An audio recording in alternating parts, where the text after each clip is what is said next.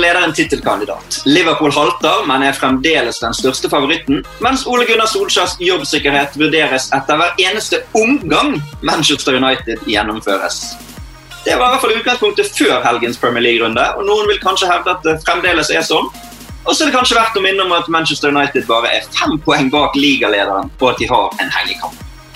Velkommen til en ny episode av PL-podkasten, og velkommen til dagens gjester. I dag gjorde jeg det enkelt. Slo på E i telefonlisten min og begynte med Erik Thorstvedt. Velkommen. Takk, takk. Du har uh, selskap her i dag av Espen Veen. Velkommen. Tusen takk for det. Og uh, ikke minst en mann med 121 kamper og 29 mål i Premier League, Egil Østenstad. Velkommen. Takk for det. Uh, litt tilfeldig selvfølgelig at alle begynner på E, men Erik, du, du tåler det?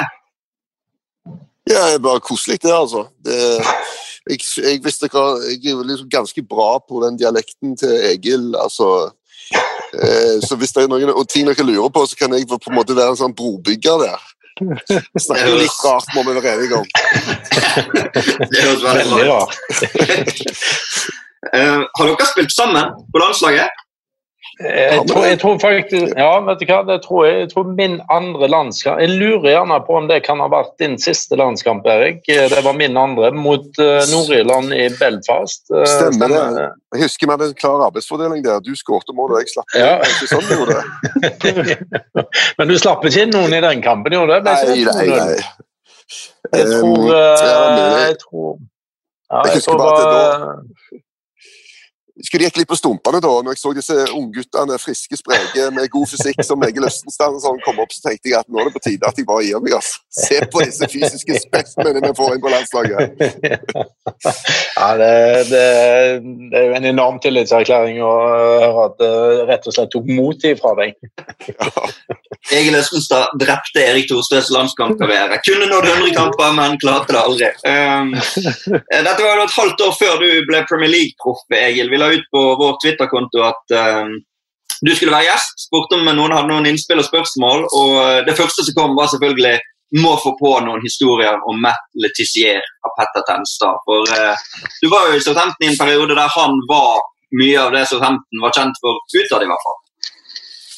Ja, altså, samtidig var jeg nok i Southampton i en periode der uh, Letiz ikke var på sitt beste. Uh, altså, han begynte å Realitetene begynte å innhente Letizier. Han, han, var jo ikke spesielt godt trent. Han var jo en type fotballspiller som ikke hadde hatt en sjanse i, i, fotballen sånn som den er i dag.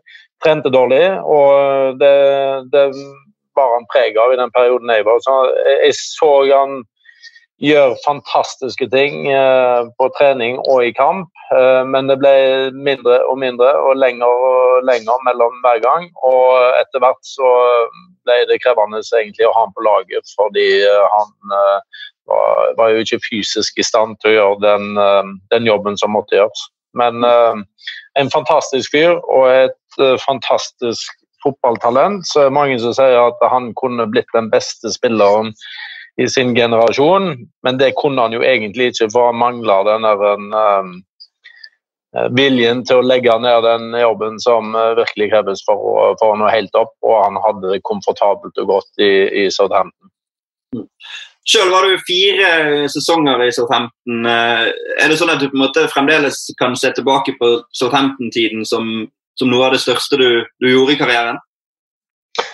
Ja, absolutt. Eh, det var en veldig fin tid. Altså, hele den perioden i England var en eh, fin tid for meg og familien. og Fikk eh, være med på ting som var fantastisk å være med på. Og så, og så er det jo sånn at som, som, helt sikkert var for Erik òg, at når du først er der, så er det jo det som blir hverdagen. Så da reflekterer du ikke så mye over det, og så tenker du litt mer på det i ettertid. Men, men Southampton var en veldig fin tid. og en periode der jeg, eh, der jeg gjorde det godt. Eh, og så og hadde en uh, fin status i klubben, så, så det ser jeg tilbake på med, med, med stor glede.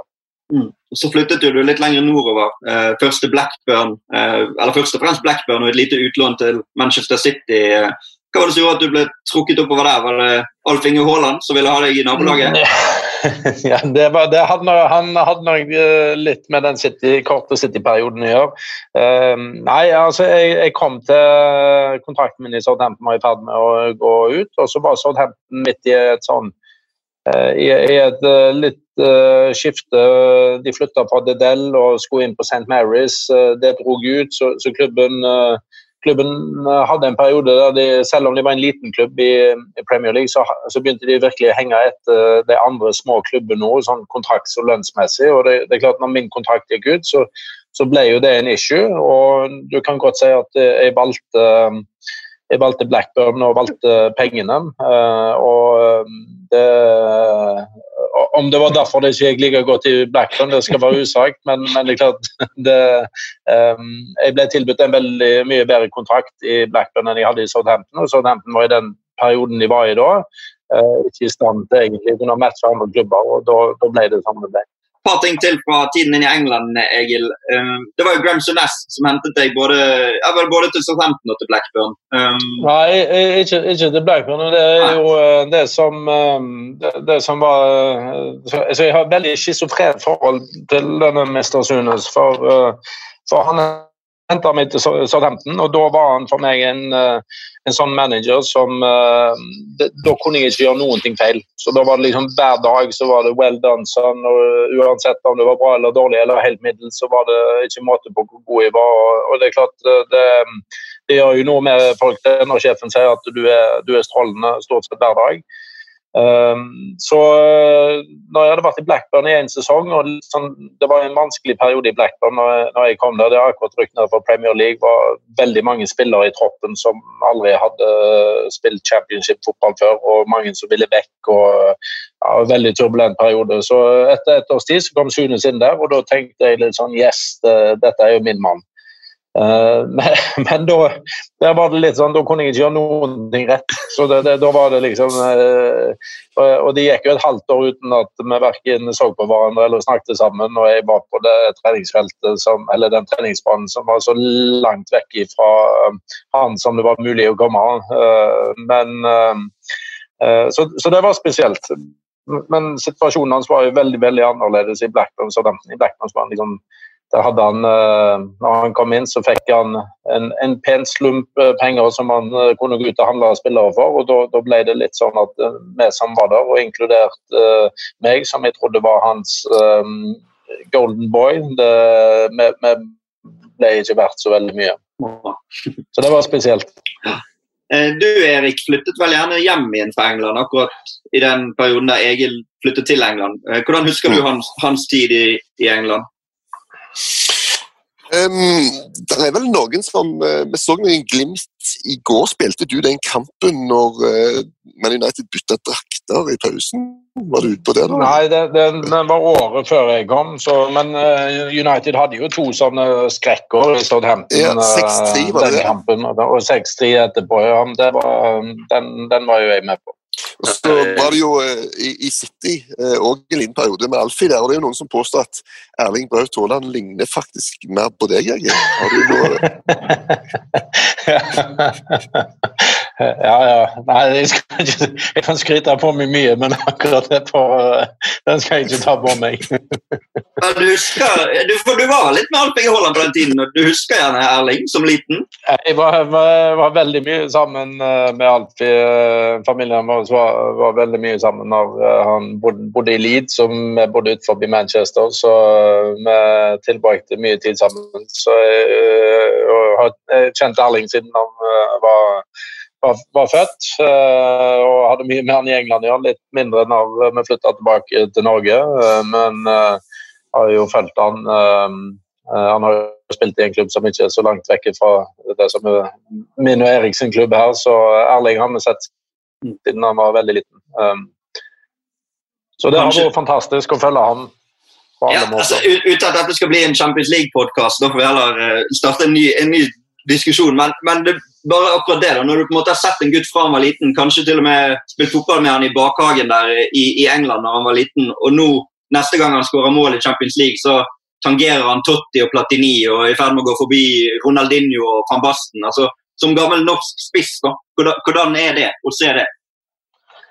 Nei, det, det, er helt spesielt og spektakulært å, å, følge han og se det han gjør. Og mm, den uh, ureddheten og den selvfølgeligheten han gjør ting med. Og, og bare den Eh, forrige helg der når du våkner opp en lørdag i morgen og går til verdens beste unge spiller, så, så, gjør jo det noe med de aller fleste. og De fleste ville jo gjerne tenkt at oi, nå, nå, nå, nå, må jeg jo vise meg fram her. Og så går du ut et par timer etterpå så skårer du fire, fire, mål på bortebane mot en, uh, mot en, en god Bundesliga-klubb. Det, det, forteller noe om mentaliteten og den der ureddheten og den gutten som han er. Og, og så husker jeg faktisk Erik, meg, jeg, i en eller annen sammenheng uh, for, snakket uh, om Erling for ikke så veldig lenge siden. Jeg tror det var rett i forkant av det, det U-verdensmesterskapet de var i. Og, der Erik refererte til at Christian har vært på samling med Erling. og og liksom kom tilbake og fortalte at han, han Haaland han, han, er det største beistet som man hadde sett. Og, og, det er jo litt sånn han er når han er utpå der. Altså når, han, når, han er god, så, så, ser det jo ut som han spiller med sånne smågutter. Det, det, er spesielt og fascinerende så, og veldig kjekt når du liksom noen du egentlig har visst hvem var siden de, var, siden de ble født, så, så liksom utviklet seg på den måten. Mm. Eh, litt eh, det motsatte av sånn det var med Alidia, kanskje, som så ut som eh, han var smågutt sammen med alle de andre. Så det ble jo tatt opp igjen til overflaten nå forrige uke. Det var vel forrige mandag, tror jeg, akkurat 24 år siden han debuterte for Southampton. Før vi skal begynne å gå gjennom rundens kamper, så må du må bare ta et kort rundt den situasjonen med at en mann som ikke i hermetegn kunne spille fotball, plutselig spilte en Premier League-kamp. Ja, eh, for meg er det noe av Premier League-historiens aller aller største prestasjoner. At du liksom klarer å komme deg inn og spille en Premier League-kamp når du uh, det, det, er selvfølgelig feil å si at han ikke kunne spille fotball, for det, det, det kan, fleste, de fleste kan jo uh, sparke til en ball. Men i denne sammenhengen og på dette nivået så var han sånn han kan ikke spille fotball. og det det så alle når han var på trening der første dagen. Uh, så det var Vi hadde alltid spillere som var på prøvespill, det var, det var liksom helt vanlig. Uh, men han var en sånn så liksom, ja, han ser vi han ser meg ikke igjen i morgen. Men så kom han dagen etterpå, altså da var det fredag, og uh, han var fortsatt like dårlig. Uh, og Dagen etterpå skulle vi spille mot uh, Leeds og kom på hotellet. og Da satt han der i dress. og Da tenkte denne, denne spøken begynner å gå langt nå. Det er litt som har vunnet noe og skal få være med i garderoben. og Inn i garderoben og skifte, og så kom han på banen. og det, uh, og, Nei, det var Eh, det var sprøtt. Eh, og eh, det er litt sånn pinlig jo, selvfølgelig kjempepinlig for Sunes, for her ble han jo virkelig lurt. Så forteller jo det noe om hvordan fotballen har utvikla seg, når noe sånt i det hele tatt var mulig. Det, det begynner jo å bli en stund siden, men tross alt ikke så lenge siden. Nei, det er 24 år. Det, ja, det er veldig kjekt å høre disse historiene. Vi, eh, vi skulle gjerne sittet i flere timer og snakket bare om gamle dager, men nå skal vi jo ikke beklage gamle dager. Det er feil å si. Erik hadde allerede lagt opp på dette tidspunktet. Men uh, vi eh, skal rulle i gang en liten gjennomgang av, av helgens kamper som var. Um, forventer selvfølgelig ikke at alle har sett alt hele tiden. Det går ikke an i dagens Premier League-verden. Det, det er kamper hele tiden, men vi kan begynne med fredagens kamp som uh, og Newcastle som tok en sterk borteseier mot Crystal Palace. Erik Thorsvedt. Det er mye engasjement rundt Newcastle, og vi får gjerne litt sånn kritikk for at vi en del Newcastle-supportere mener at vi, vi, mener at Bruce gjør det ganske bra. Og så mener de at nei, de har, de har større forventninger. Hva, hva, skal vi si denne mandagen om, om et Newcastle som vinner en sterk borteseier. Nei, altså Det forundrer meg igjen og igjen at de driver og plukker disse poengene. må jeg ærlig talt innrømme, for det, det, er høyt nivå i Premier League nå, bortsett fra de, de lagene som ligger helt i bånn. At Newcastle eh, de skårer så dårlig på så mange, i så mange kategorier da, eh, at eh, de burde egentlig ikke hatt så mange poeng, men det gjør de. Og det er jo et eller annet som er med moralen, med Callum Wilson, som ser ut til å, å skåre de målene som trengs. og et eller annet som gjør bare at uh, de får mer poeng enn de burde hatt, og at Steve Bruce da gjør en, en mye bedre jobb egentlig enn uh, en det du skal kunne forvente. Og så, ja, så spiller de ikke så superbra fotball, men eh, den Hele klubben er jo i en rar situasjon. De er jo limbo. De er jo på en måte midt i et vakuum der alle venter på nye eiere og at ting skal skje. Så jeg syns under de omstendighetene at, eh, at Bruce uh, gjør en virkelig bra jobb. Men, men er, det sånn at, er, det sånn at, det er den støyen rundt klubben som uh, på en måte gjør at de faktisk uh, klarer å løfte litt sammen og gjøre litt ekstra? For det, det, er jo en klubb som det er liksom permanent støy og uro og kaos rundt. og Noen ganger medfører det at det går skikkelig ille, som det gjorde for deg jo en periode. Men, men er, de, er, de, nå kommet der at nå, nå er dette så binder de sammen? og de har en slags sånn felles uh, ytre fiende som de klarer å få noe ut av. For uh, de, er uenige, de gjør det jo bedre enn de skal gjøre det. De, har, ja. uh, altså de, de, er foran Arsenal på tabellen. De er likt med Leeds, som hylles. Altså Bielsa hylles jo for det han gjør med Leeds. og Tre poeng bak uh, Southampton, som vi har snakket om, Wolverhampton, som, som også har gjort det kjempebra. Espen, du kommenterte vel ikke denne kampen, men har jo vært uh, mye Newcastle på deg også. Hva, hva tenker du? Eh, nei, det er, jeg, sånn som Egil er inne på her nå, så, så syns jeg, om ikke det var direkte, så syns jeg Callum Wilson var litt inne på det i postmatch-intervjuet sitt. At uh, vi får masse kritikk, og sånt, men vi klarer å få, få resultater. og det Kanskje, kanskje som, uh, som Egil er inne på, at um, det samler gruppa, da, den kritikken de får utad. og så, så Det er jo imponerende de resultatene de klarer å få med det utgangspunktet, synes jeg. altså så som du sier, jeg har vært mye i Newcastle. Det er jo, en, eh, det er jo et lag noen, eh, noen, kilometer øst der hvor det, er, eh, hvor det, er, enda verre. Så det er ikke, det er ikke veldig bra oppe i nordøst og mye, mye negativitet. Men jeg, er, jeg, kan ikke noe for det, men jeg er også imponert over hvor mange poeng de tar. De bør jo ikke ta så mange poeng, men, men de gjør jo det. Mm. Og så er det jo sånn at eh, Hvis du skal se en Newcastle-kamp, så er det best å se det siste kvarteret. Og de har 14 mål, 7 for og 7 mot, i løpet av det siste kvarteret av kampene sine. Så det kan være tips på deg som ikke rekker å se alle kampene i en helg. Skru på etter 70 minutter på Newcastle, så får du nok et mål. Veldig fint om kommentatorene våre kan legge inn et lite resumé akkurat på det tidspunktet, sånn at du går sømløst inn i de siste delene av matchen. jeg skal tenke på det neste jeg kommenterer Newcastle. så Rundt 77-78 eh, minutter der. Så ja, fram til nå så har det vært en del sjanser begge veier. Og, men uh, nå går vi i den avgjørende fasen. Neste mulighet for Newcastle det er Aston Villa borte på fredag. Kampen som kickstarter neste Premier League-runde. Vi hopper til tidligkampen lørdag, som var Brighton mot Liverpool. og så vidt jeg husker, Egil, så var i hvert fall du Liverpool-supporter da du flyttet til England. Er du det fremdeles? Ja, Liverpool uh, fortsatt uh, sammen med Southampton, den klubben som står meg nært. Liverpool var det første fotballaget jeg hørte om, og, så jeg må vel putte meg i kategorien Liverpool-supporter.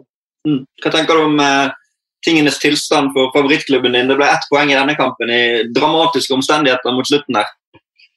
Ja, nei, altså Tilstanden er jo uh, altså, Jeg kan ikke si noe annet enn at tilstanden i Liverpool er egentlig ganske bra. I, uh, i, i en merkelig sesong så er de jo helt oppe der. Uh, og de, jeg syns jo den prestasjonen de gjorde mot Leicester, som de egentlig kunne vunnet 5-6-0, hadde vært et korrekt bilde av den kampen. men det, det, svinger jo voldsomt prestasjonsmessig. og de de har jo hatt sine utfordringer, har jo store utfordringer med, med alle skadene de har. Men, uh, men sett i lys av at de har alle skadene og liksom har hatt en trøblete start på sesongen, så, så ser jo ting jeg må jo se, egentlig ser ting ganske lyst ut når du ser at de ligger der de ligger. Uh, men øh, jeg tror denne sesongen jeg tror sesongen vil fortsette som han har begynt. altså Her vil det skje veldig mye rart øh, pga. at situasjonen er som den er, uten publikum og spillere som uh, får en uh, veldig belastning, og um, spillere som uh, har helt andre mentale utfordringer enn enn de noen gang har hatt, med den isolasjonen de, de, lever i. og det å prestere, Noen vil prestere bedre gjerne uten publikum. og andre Så, så det, det, er mye greier her som gjør dette veldig uforutsigbart, men, men jeg syns egentlig det ser greit ut for Liverpool. Vi skal komme litt inn på akkurat dette med spilleprogram og litt sånn om, om litt i omtale. her. Bare Et lite quiz-spørsmål til dere. Eh, for Liverpool har nå avgitt ni poeng allerede denne sesongen. Og Da er spørsmålet hvor langt ut i forrige sesong eh, måtte man, før Liverpool hadde avgitt ni poeng. Og det var jo en helt eksepsjonell sesong for de, så ingen som har noe forslag? Jeg tipper 13. januar. Ja. Ja, var det Ja, vel nesten sagt uh, fjerde, femte, siste serierunde, kanskje? Jeg, jeg tror jeg er på februar. Jeg hadde tapet mot Watford. Tapet mot Watford var i runde 28, men uh, da hadde de bare én uavgjort før det. Så etter ni poeng 2. juli, runde 32 2. juli hadde de avgitt. Da avga de litt poeng der, så Det sier jo litt om eh, prestasjonen forrige sesong, selvfølgelig, og så sier det litt om at ting er litt annerledes i Premier League akkurat nå. Ja, men herregud, det var jo koronapause. Du må jo ta det med i beregningen. Da er du ikke imponerende. Det var eh, altså runde 32 sammen med runde 10. Eh, litt sportslig bare om, om den situasjonen på overtid. Det er straffesparket, altså. Eh, når du var på luften, Erik, så akkurat det føltes som at ikke du helt fikk sagt det som du ville si i forbindelse med den straffen. Altså, du, det var riktig, men Og så ble det litt sånn Ja, fordi at uh, For det første så er det litt utypisk Liverpool at de skulle få en sånn i trynet. Det, er jo ikke, det pleier de ikke å gjøre. Og, og jeg, jeg syns jo at dette selvfølgelig Du må følge reglene, blir det jo sagt. Ja, men hva sier reglene? Ja, fair enough, men det kan jo ikke være sånn at all berøring inne i straffefeltet nå er blitt uh, er straffespark. Det må jo kunne gå an å touche hverandres kroppsdeler inni der uten at det skal blåses. Og jeg syns at lista nå har blitt lagt veldig, veldig lavt. Eh, og det var ingen tvil om at Welbeck lett kunne ha stått på beina. Ingen problem. Og da hadde, hadde en da blåst? Nei, men pga. at han tenker seg om i to sekunder, velger å gå ned, så må en se på det på VAR. Ja, det er faktisk en berøring. Da er det straffe. Og, og Dette er bare ett eksempel, men det er flere som jeg tenker går litt i den retningen. Og Det syns jeg man må være ganske forsiktige med. For da, blir det, da legger vi lista sykt lavt altså, for å blåse til slutt. Så jeg tenker at uh, fysisk kontakt er en del av det, og all fysisk kontakt er ikke straffespark fått et innspill på Twitter fra Daniel Hylland, som skriver uh, mener straffen er utrolig billig. I hvert fall når Welbeck selv og andre Brighton-spillere sier at det ikke er straffe. Men dette kommer jo selvfølgelig an på øyet som ser. Men tenk overskriftene om det var Sala som hadde fått straffe for dette og lagt seg ned så seint som Welbeck hadde blitt slakt. Eh, som spiss, Egil, hadde du gått i bakken der? Ja, nå må jeg innrømme at Den situasjonen har jeg ikke sett. for Jeg var opptatt med en fotballkamp for et lag jeg trener selv når den kampen ble spilt. Eh, og ikke sett høydepunktene etterpå, men, eh, men, generelt så er jeg, jeg er veldig enig med Erik. altså eh, det, det, det blåses jo straffe for situasjoner som ingen på banen har tenkt over at det muligens kan være straffe. og Det, det tenker jeg det er liksom det, det beste parameteret på at da er vi um, da er vi på feil vei når, eh, når spillerne som er ute på det, ikke engang tenker at her, her er det noe. Og så uh, får du matchavgjørende uh, avgjørelser som, som, som, ingen har tenkt på. så ja For meg ødelegger dette spontaniteten og, og, og egentlig det, det dramaet fotballen er. Du, du, får et sånn ekstra drama som du ikke ønsker. Mm. Vi har fått et annet innspill her fra Markus, som kaller seg for Hames Milner på Twitter. Vi må anta at han er Liverpool-sporter, men Han skriver da to av de mest innflytelsesrike spillerne i Premier League, Milner, eh, den spilleren med flest kamper per eh, dags dato av de som spiller nå, og Henderson, som er kaptein for regjerende mester, er ute og sier at de heller vil spille uten VAR. Er det en mulighet for at man kvitter seg med VAR? Dette er jo noe vi kunne snakket om hver mandag, Erik, men eh, det er vel mm. kommet for å bli. Jeg tror det. Og det som er litt dumt med VAR, er jo at uh, alle de uh, episodene som er på en måte kontroversielle, da, eller et eller annet blir blåst veldig opp, men de som er riktige og som ikke hadde blitt tatt av dommeren, og de det er ganske mange av, de blir på en måte bare glir unna, og de, de snakker ikke så mye om. Å ja, VAR kom inn og fiksa det. Ja, vi ser jo her at sånn var det. Om det er offside eller andre ting. Og, og, og de tenker jo jeg i flertall, da, men jeg er ikke noe sånn. Jeg hadde gått greit kvitta meg med varer. Ingen problem i det hele tatt. Men, men eh, mange ser heller ikke de positive sidene. Og jeg tror jo det kommer for å bli, og at det kommer til å bli bedre. Dette er jo en stadig prosess, så det kommer til å utvikle seg. Og jeg tror ikke det kommer til å forsvinne. oss. Mm. Nei, jeg tror eh, det, det, det, kommer for å bli, men de må liksom finne formen på det. Og, ja. og, denne, og, og, formen tenker jeg må være at det, det er dommeren som er i førersetet her. Eh, at det er dommeren som må be om uh, å se situasjoner der han sjøl er usikker. Dette med at det sitter folk utenfor og liksom nistirrer på alt, uh, det, det, må vekk.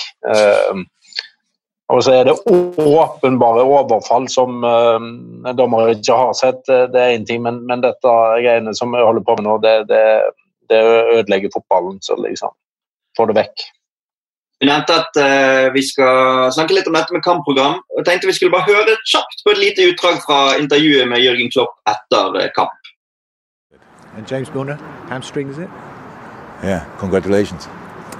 Not me personally. Oh no. no. Ah, but oh, you better work for them. Yeah. Hamstring. Surprise. And they had harm, they had injuries as well because it's tough time. But, but ask Chris Wilder how we can avoid that. Yes, en litt uh, sint uh, Jørgen Klopp, rett og slett. der. Uh, Espen, hvis du skulle gjort det intervjuet som du av og til gjør etter en kamp i Premier League, hvordan har du taklet å få Klopp i strupen?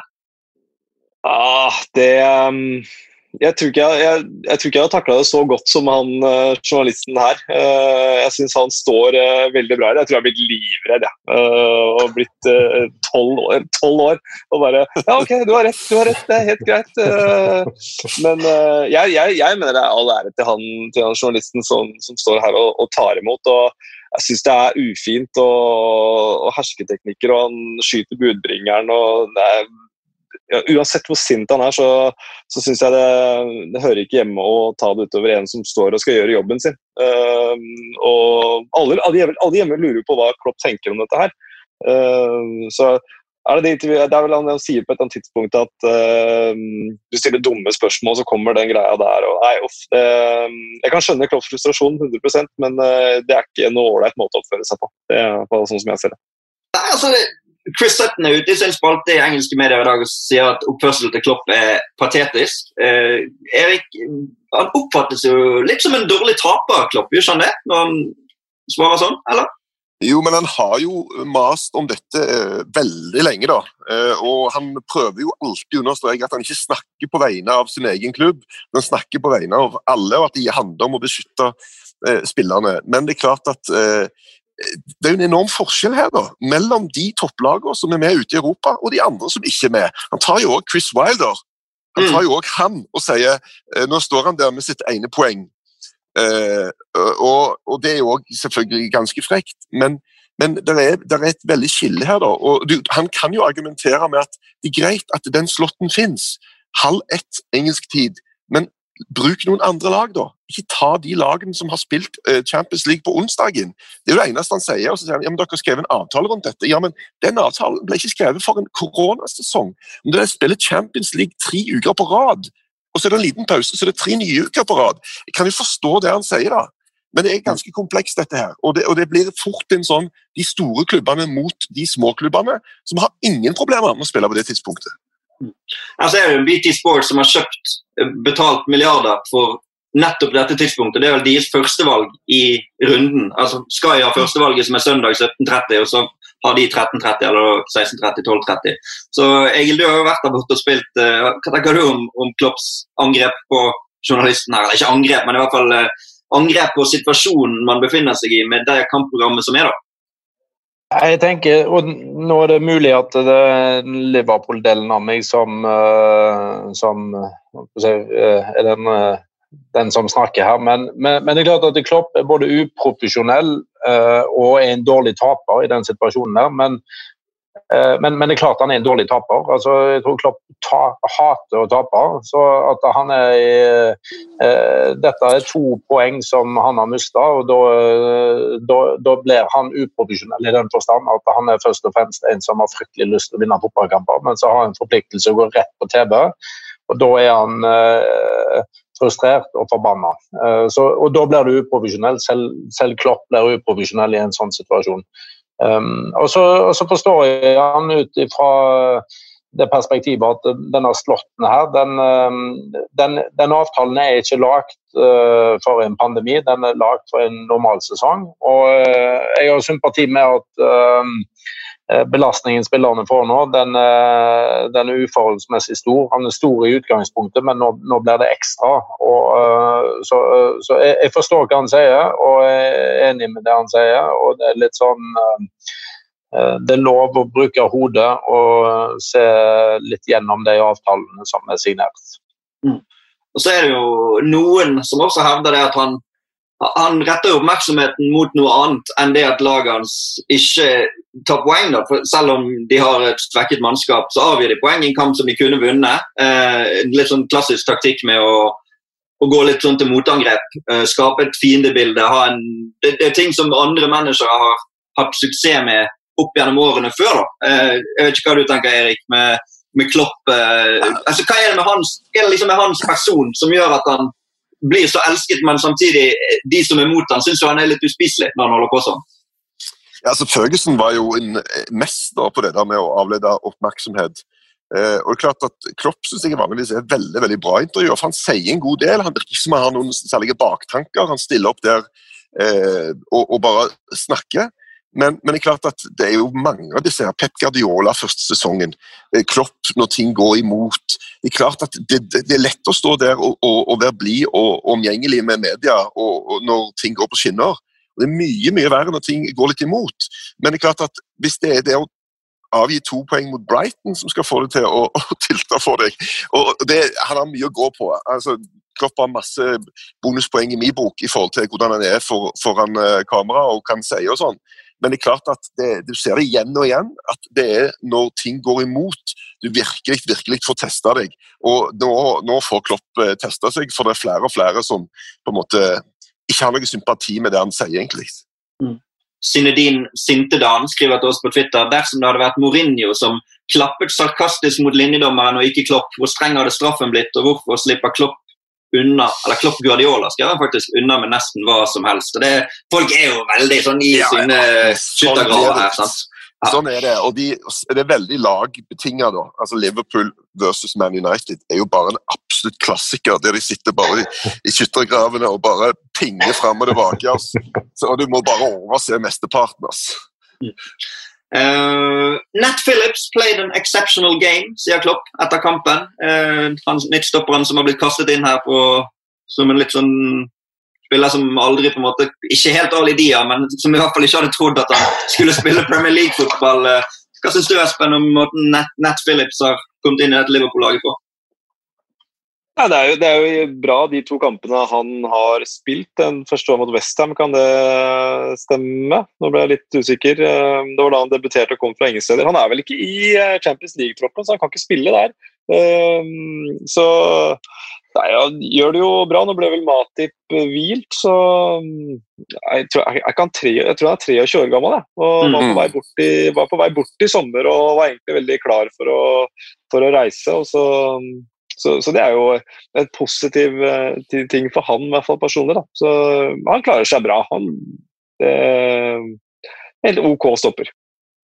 Altså, det, er det, det, det, er jo det, som er positivt for Klopp uh, her under det første hele. og Jeg skjønner jo han er kjempefrustrert med alle de uh, spillerne han mister, men uh, nå får han jo liksom litt sånn ufrivillig testa ut den ytterkanten av troppen sin her. og liksom se er det noen som står i dette, eller eh, faller de når de får sjansen? Og det, det, dette er jo spillere som aldri ville blitt testa ut på den måten uh, hvis ikke situasjonen var som den var. Og Sannsynligvis er det en av dere som nå får en sjanse de ikke ellers ville fått, som, som består den prøven der.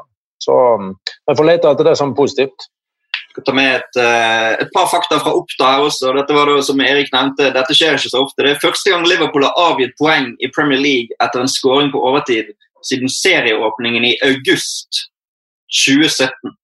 Så uh, det begynner å bli en stund siden akkurat det. Og så i, i kamp med Gardermoens uh, høyttaleranlegg der nå, så prøver jeg å, å, nevne en fakta til fra, fra denne kampen. og Det var Neil Mopé som brente straffe og ble byttet ut i første omgang. Første gang det har skjedd siden Dennis Bergkamp mot Derby i april 1998. Så det var en litt sånn historisk kveld der. Men Brighton da, Egil. Du, um, du har lagkamerat med Graham Potter i Southampton, ja, så vidt. Og, Graham Potter var Ja, jeg kom igjen. Nei, jeg bare tenkte sånn, hva, Hvordan på en måte er han? og Så du liksom han for deg som en Premier League-manager den gangen? Absolutt ikke. Sannsynligvis uh, den du ville tenkt minst, var en fremtidig Premier League-manager den gang. Han var en veldig sånn rolig, beskjeden gutt som uh, han, var i, han var vel i klubben et halvt år da jeg kom, og var lurer på om han spilte den kampen når man 6-3 mot United og kom innpå. Ehm, så forsvant han vel til Stoke etter hvert og ble eh, værende i litt lavere divisjoner. Men eh, veldig sånn stille, rolig, hyggelig gutt som eh, sikkert, sikkert sleit litt med en del av de karakterene som han hadde rundt seg. Men ehm, det viser jo igjen at liksom, det er ingen fasit her på hvem som, hvem som blir de beste trenerne og managerne til slutt. Og er jo en fascinerende vei han har gått for å komme der han, der han er i dag. Nå er det jo Brighton mot Southampton i neste runde. Sørkyst-derby. Det var vel det var ikke noe rivalisering kanskje på den tiden du var der, for da var Brighton et godt stykke nedover i divisjonene? Ja, så er det jo først og fremst uh, Portsmouth uh, som er um, hatobjekt i, i Southampton og motsatt. Så uh, Brighton er jo mer sett på som en veldig fin og hyggelig badeby. Mm. Det kan jeg skrive under på. Har vært der sjøl. Det var en veldig fin by. Eh, Liverpool møter Wolves på Anfield i sin neste kamp. Vi kjører videre til Manchester City mot Burnley, som du kommenterte, Espen. 5-0 eh, det var vel kanskje det minst overraskende resultatet i Premier League denne runden her.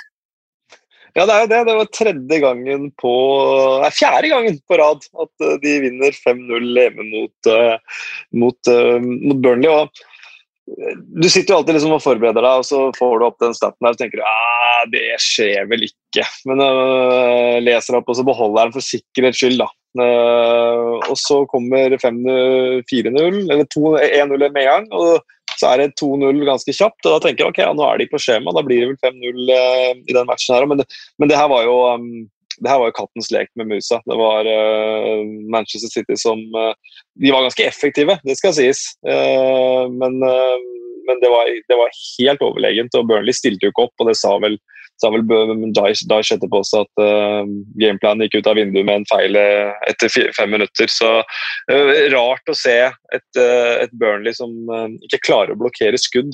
Det er kanskje mest oppsiktsvekkende med den matchen her. og Riyad Mahrez selvfølgelig i kjempeform. Så viktig for City å få rulla på litt skåringer, og de så bra ut.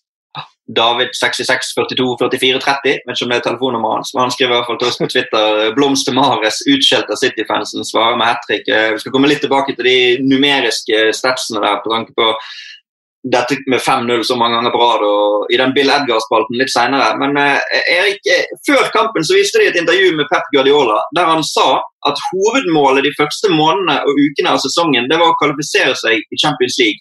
Nå er det gjort, så nå er Premier League hovedfokuset synes det var en litt rar uttalelse. At, de måte, at, at, det var hovedmålet. Hva tenker du om det? Ja, det, eh, Han har ofte litt kryptiske uttalelser, syns jeg. Eh, og eh, jeg tror han er litt overraska over at de eh, fortsatt er med jeg trodde når de røyk eh, sånn som de gjorde i, mot Leicester og mot eh, Tottenham, og dette her, så tenker jeg at ja, det toget går uten oss. Men så ser han på tabellen så ser han at ja, men ja, de andre gir jo òg vekk poeng. Kanskje dette kan gå likevel. og Det, det er ikke umulig. for det, Fotball er et dynamisk spill. og Et lag som ser ræva ut i en periode, vet vi jo kan bli bedre. Og City har virkelig, virkelig vært mye dårligere enn det vi vet de kan på sitt beste. Og så er det spørsmålet, Kan den pendelen svinge andre veien igjen? Få opp energien? og Dette var jo et ok, det var en takknemlig motstander, men det var et virkelig steg i den retningen. For dette var jo det City som vi kjenner fra før. Og, og det er jo nesten ingenting som har gleda oss eh, som er glad i fotball, mer enn å se City spille fotball de siste sesongene. Eh, ok, Liverpool-fans, unnskyld meg, men, men City over tid, da eh, fem siste åra har vært til dels helt sykt gode. Og det er bare stas rett og slett å se dem på sitt beste. og Jeg håper jo de, de kommer tilbake og, og, greier å være på det nivået. De har jo bare seks poeng opp til ligalederen når de har én hengekamp. Eh, når du sier den perioden, da mener du fra 2000-2001-sesongen da Egil Østenstad spilte fire Premier League-kamper for City. Da. Selvfølgelig. Det var det som var grunnsteinen i det byggverket. Som det, var, det var helt korrekt. Det var, det var da det snudde. Det var, han, det var da de sa at nå, nå, nå er båndet nådd, nå må vi gjøre noe. han, var, han var sin tids Sheikh Mansour. Eh, det er veldig bra. Vi går videre til Everton Leeds. Som, eh, det er jo en sånn klassisk storkamp i engelsk fotball. Hadde dette vært i 1969-1970, rundt der, så hadde det kanskje vært den største kampen i hele runden. Da hadde den gått tidlig. Da hadde den gått 12.30, og det hadde vært harnisk fra Everton og Leeds-managerne for at de måtte spille tidligkamp. Men uh, en sterk seier der. Rafinha matchvinner for Leeds, Erik. og Bielsa svarer på nominasjonen til årets trener i verden med å hente tre poeng i Premier League. Ja, og det var jo altså De, de der kampene er jo bare så non stop avslutninger. Altså, og Du ser jo hvor få altså de, Nå har Leeds kommet inn i en steam der de skårer på veldig få av avslutningene sine. for de, de, fy, de, skyter jo fra alle vinkler og bauger, og de greier jo aldri å Som spiss det sånn at du ofte, hvis du kan bare ta sånn lite, roe deg bare et tidel eller to akkurat før du skal avslutte, så øker det sjansen. Men de kommer jo ofte i så høyoktans fart dundrende inn her og der, og, og, de bommer jo mye på mål, da. Men dette var igjen en, en, en fortjent seier. Nå fikk jo den som de burde hatt mot Arsenal. Og, og ja, det var, jeg liker jo Leeds som de fleste, og desto mer eh, problematisk for Everton, som nå vel som vi skrøt så sykt mye av i begynnelsen av sesongen, og har tapt fire av de fem siste. Fire av fem siden Johan Golden var på besøk i podkasten og tippet at de kom til å vinne ligaen. Uh, du er jo glad i sånn XG-tall også. Jeg så at dette var den kampen i Premier League denne sesongen der det var størst forskjell mellom XG og faktiske mål skåret. Uh, det var en XG på 4,4 totalt i denne kampen, og det har jeg skjønt er ganske høyt. Mm, det er det. Uh, Rafinha Espen, Eh, spennende brasilianer, kom inn til, til ligaen og skåra sitt eh, med et langskudd, som mange brasilianere har gjort før. Ja, og litt sånn Kanskje skutt seg inn, eller dribla og finta og skutt seg inn i starteleveren til Bielsa raskere enn jeg hadde trodd. For det tar jo som regel tid å komme seg inn der, men tatt plassen til Elde Costa Rafinha. og var jo fryktelig nære mot Arsenal sist også, med, med stolpetreff da. Syns han ser ut som en ordentlig, ordentlig god spiller for Leeds. Og har tydeligvis kjøpt hele konseptet med en gang. da.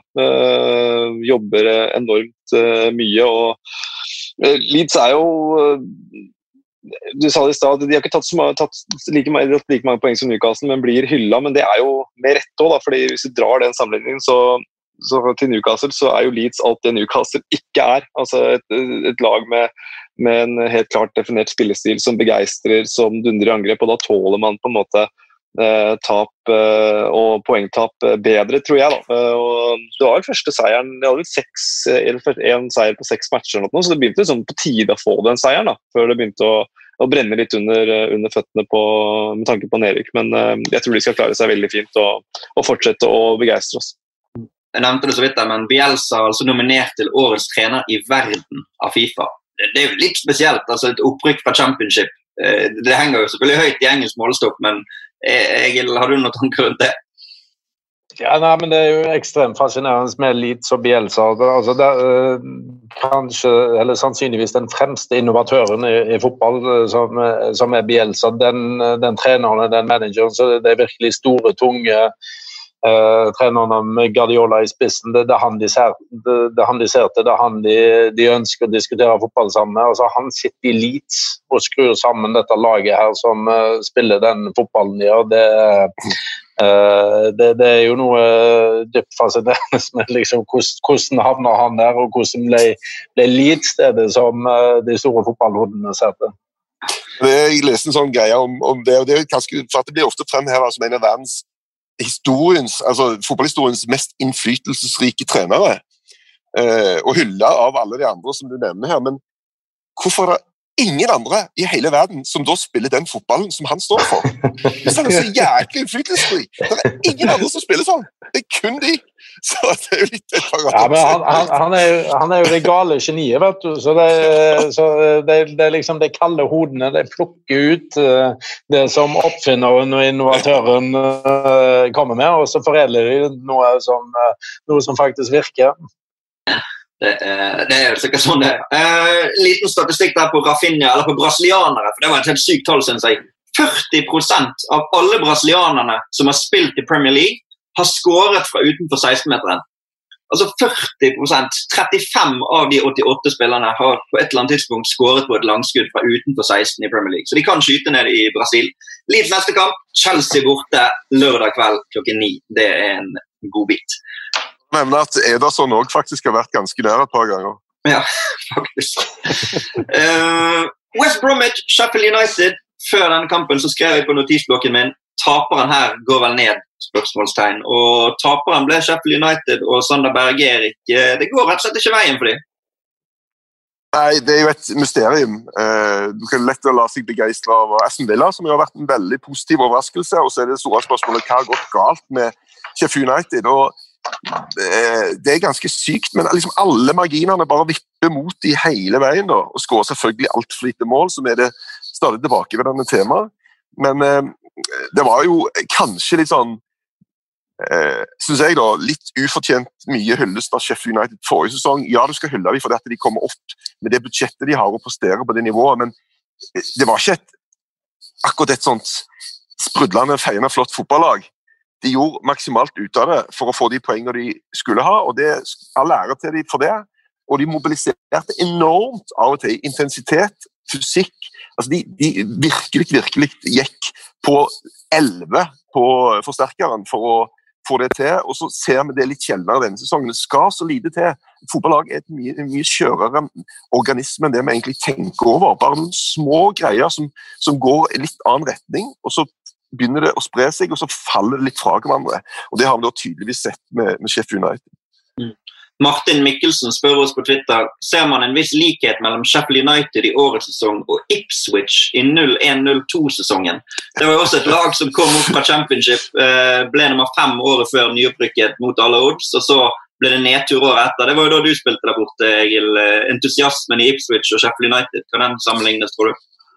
Ja, men jeg tenker, det, som Erik er inne på, det, dette er jo litt sånn klassisk eh, Det er jo alltid et nyopprykka lag som gjør det veldig godt. og Du, du kommer opp med masse selvtillit, du er vant med å vinne fotballkamper. Det, det, det, er ingen, eh, er ingen, bedre forberedelse til å vinne en kamp enn, enn å ha vunnet kampen før. og De, kommer opp og uh, har stor selvtillit, og så får de en god start, og så ruller det der en på videre. Uh, og så er det en ny sesong.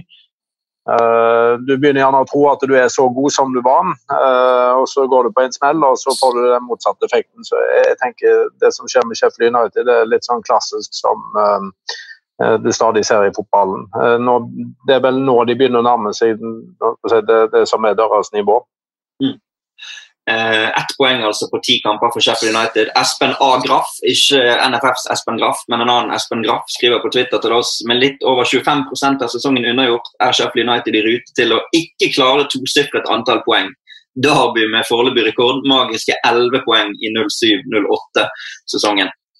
Men Derby hadde faktisk eh, seks poeng de, etter ti kamper denne sesongen. Så Sheffield United ligger an til seks ganger så få poeng som Derby fikk. Så det blir få poeng hvis det skal utvikle seg sånn videre for Sheffield United.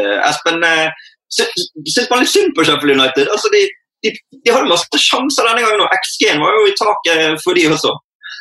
Ja, det, det, det, gjør man jo. Uh, som bare ta en kuriositet, Det var jo veldig synd at Derby klarte bare 11 poeng den, uh, den, ene sesongen. der, for Det var rett etter at Sunderland hadde slått en rekord med 15. Så fikk liksom ikke beholde den heller. Jeg kjøpte jo en Sunderland-drakt med poeng 15 på ryggen da jeg bodde der borte. Uh, men den mista jeg på en måte litt av glansen bare sesongen etterpå. Men, men, det som er um, gøy med, med Sheffield United, er jo Fikk et tips av Kasper, faktisk. I 1990-91 så, så, hadde de heller ikke vunnet før jul. Altså de, da hadde de, de hadde fire poeng etter jul, eh, og så hadde de julefest. Og så vant, vant de syv på rad. Eh, og overlevde med tolv poengs marginer. Og Chris Wiler spilte på det laget. Eh, så jeg, jeg henger meg nok litt opp i det, og så tror jeg Chris Wilder klarer å, å redde dem, samtidig som Um, du hører jo Klopp nå er ute etter Chris Wilder. Det er jo fordi Chris Wilder har vært den som har vært klart tydeligst i at ja, ja, hvis de lagene må spille, spille kamper klokka 12.30, så er det en fordel for oss. Bra. så han har på en måte uh, sørga for at kanskje de største ikke har noe sympati med han, men jeg, tror fortsatt det er mange nøytrale kan du si, som, som under Sheffield United å overleve. Det, det er jeg ganske overbevist om, faktisk. Og faktisk at uh, Per Atle, vår englandskorrespondent, skal lage en sak med uh, disse Sheffield United-spillerne fra den gang. For det å ha en julefest og så komme tilbake. Så det mm. kan glede oss til det. Han skal vi forresten snakke litt med etter hvert, de som savner han. West Bromwich, uh, Conor Gallagher. Jeg tror vi skal komme tilbake til han i løpet av de faste spaltene litt senere. Så hopper vi til kampen som kanskje var hovedgrunnen til at jeg hørte med deg, Egil, om du ville være med her. For det var jo Southampton Manchester United i helgen. Og før vi skal snakke om den, så skal jeg bare spille av et liten video, eller en liten lyd, da, blir det, fra 1996. And now here's Ostenstad! And uh, Ostenstad's on goal again. He's round Schmeichel. Ostenstad! And he's done it! Yes, Egil. Southampton 6, Manchester United 3. Den store historiebøkene til evig tid. Ja, det var en uh, uvirkelig opplevelse for tidlig i min karriere i England. Så, uh, men igjen, litt som jeg sa tidligere, det er jo noe du ser tilbake på i ettertid som uh, selvfølgelig veldig hyggelig. Og Så gikk du av banen med kampball i hånden etter å ha skåret hat trick. Men så er det noen som har kommet i ettertid og sagt at ikke du skåret hat trick, for det var en Neville-bror som sklei inn den tredje der. Hva tenker du rundt de som kommer med sånne synspunkter? Nei, det er jo lov med synspunkter i fotball. Så det, eh, det kan godt hende Eller ikke bare kan godt hende, det står vel i bøkene at de skåret to ikke tre. Men eh, jeg har nå den ballen hjemme, så eh, den ligger godt hjemme, den. Så hvis jeg har behov for å uh, minne oss på det, så kan jeg ta en titt på den ballen der. Jeg kommer eh, til enhver tid, Hvis jeg skal ha en quiz og sånn, der eh, det å skåre hat trick mot Manchester United i Premier League blir nevnt, så kommer ditt navn til å, til å være med på den listen. Enten i spørsmålet eller i svaret. Så ikke vær redd for det. Det, det var veldig bra, veldig bra. en stor prestasjon, i hvert fall. Um, det var jo en spesiell kamp, dette. Southampton går opp i 2-0-ledelse. og um, da så det stygt ut for Manchester United, Espen, men de, eh, de kom tilbake.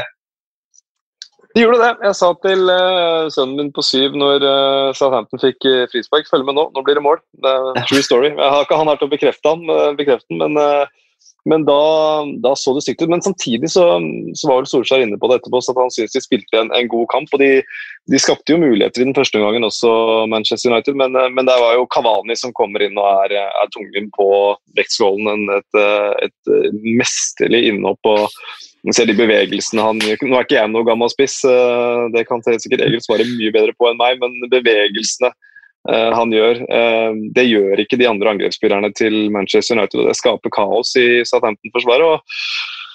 Eh, vi har vunnet fire kamper, og jeg tror de har skåra etter 87 minutter i fire av dem i Manchester United. Så litt av det gamle har han klart å ta med seg videre, Ole Gunnar. Det er ingen tvil om det. Kavani, da han kom inn der, han klarte ikke å få på seg skoene. Altså, han brukte jo det første minuttet andre omgang til å knytte sko. Jeg tror aldri noen har spilt en så god omgang etter en så trang start på en omgang som det Kavani gjorde, gjorde der. Det var fascinerende. Erik, du satt jo i studio og fulgte dette i helgen uh, uten at du nødvendigvis skal repetere deg sjøl så mye. Så, så, må det være lov å være imponert over det uruguayaneren leverte her. Ja, definitivt. Det er jo sånne ting som Eh, du håper på som manager når du henter han som Ja, er det den mm, hvilken Kavani får vi? Og så Når du hiver han innpå sånn, så, og lykkes på det nivået, så, så kan du nå, akkurat nå se at når Man United skal stille opp sitt første lag nå, den som spiller spiss, er jo Kavani. Altså, han er jo den de nå, og Jeg var litt overrasket over at han ikke spilte fra start, egentlig. Um, og så er det en liten sånn uh, rasismesak som uh, ruller og går. En sånn liten greie som jeg vet ikke om det skyldes kulturelle eh, forskjeller eller hva som helst, men det kan jo nå være at han ryker på en tre kampers karantene pga. Sånn, et par ord som han la ut på Twitter. Uh, og Det blir jo den der, det store skyet som henger over denne saken. her Nå er han ute igjen omtrent umiddelbart. For FA og sånn har vært veldig strenge når det gjelder disse tingene. Både Bernardo Silva og eh, Deli Alli og sånne ting har, har røket på, på greier der. Så den, den, må vi jo bare følge med og se hva det ender med. Mm. Espen, eh, så en finger i været fra deg. Det er den måten vi kommuniserer på her, vi ikke, for dere som ikke ser oss. Ja, det var, ja, Apropos det Erik sier, så um, presedensen Hvis uh, Kavani um, blir uh, trodd på at um, det her var en, en kulturell misforståelse, så, så tror jeg lukter det liksom én kamps karantene. Da vil det være omtrent det samme som Bernardo Silva vel fikk for å legge ut et bilde hvor han skulle tøyse med Benjamin Mendy. Så, uh, men det, de jo, det, er jo heldigvis økt, økt fokus på å, å, bli kvitt sånt. Så det kan jo godt være at det blir, det blir strengere straff for Cavani. Det ville være et tungt, tungt slag selvfølgelig for, for Manchester United. Så, så, ja, så må jeg bare si det også med Cavani. da, at når han kom, så gleda jeg meg enormt til å se eh, den der jublinga hans. Oh, det var så intenst og det var så kavanisk, de der to måtene han eh, er Han er så glad! da, og Du ser håret flagrer, og, uh, det, er, og det, det, bare varma hjertet å, se Kavani som uh, vi har sett han i jeg, Kanskje først og fremst Napoli for min del. Oh, det var, det var, var nydelig. Ja, han er en, en målskårer, ingen tvil om det. Andre spilleren i Manchester Uniteds Premier League-historie, som har uh, vært direkte involvert i tre mål eller mer etter å ha kommet inn som innbytter. Den forrige var jo Ole Gunnar Solskjær selvfølgelig mot Nottingham, da han skåret uh, fire. Og uh, Vi får jo se da om det er slutt på å snakke om jobbsikkerheten til Solskjær hver eneste kamp fremover. Neste er Westham borte i helgen, så det er en ny tøff bortekamp. Men de, de vinner jo disse bortekampene. da. Fire bortekamper på rad nå der de har kommet under og snudd til seier, så det ligger en mentalitet i dette laget. Toppkampen Chelsea-Tottenham eh, ble en toppkamp med Mourinhos eh, toppkampinntreden igjen, Erik. Det, er ikke mange kamper han har hatt sånn de siste årene som har endt med 0-0. Nei, dette var jo en non-event på mange måter. Eh, det var ikke så mye som skjedde. Men det er klart, Mourinho er nok happy, selv om han da sier etterpå at det beste tegner på at uh, Tottenham har tatt store steg, at ingen er happy med dette. Mm. Men uh, jeg tenker at det bør han vel egentlig være, uh, både ut ifra Jeg tror vi mistet Erik litt. nærmere en 1-0-match mistet litt av lyden din, men uh, siden det var en så kjedelig kamp, og du sa det samme i helgen, så får vi la det være. det var... ja. Så Nei, men uh, takk for meg, da. Ha... Nei da, bare tulla. Uh, men Tottenham leder ligaen, da. De leder ligaen for andre uke på rad. 21 poeng på 10 kamper. Det er jo ikke en det er ikke en poengsum som gir mer enn rundt 80 til slutt, men Egil, er imponert over måten Mourinho har slått litt tilbake på? Ja, jeg må si dem. Eh, jeg, og mange med meg tenkte vel gjerne at uh, Mourinho representerte litt den uh, old school managerrollen.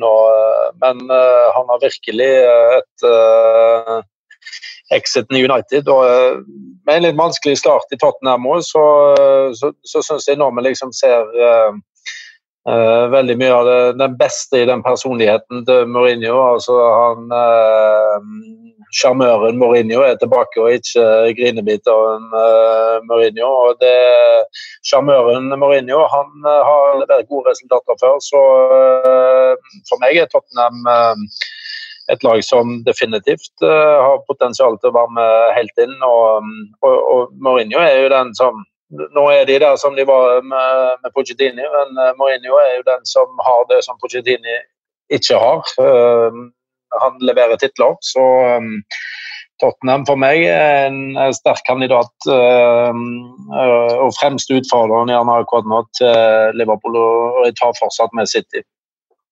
Det, det, beste eksempelet på, på, de stegene de har tatt, synes jeg var en situasjon som ikke ble snakket så mye om, men rundt 35 minutter ut i kampen. Eric Dyer blir lurt av Tammy Abraham ute på siden. Litt sånn overstegsfinte. Nesten helt lik situasjonen som Paul Pogba lurte Eric Dyer i sommer.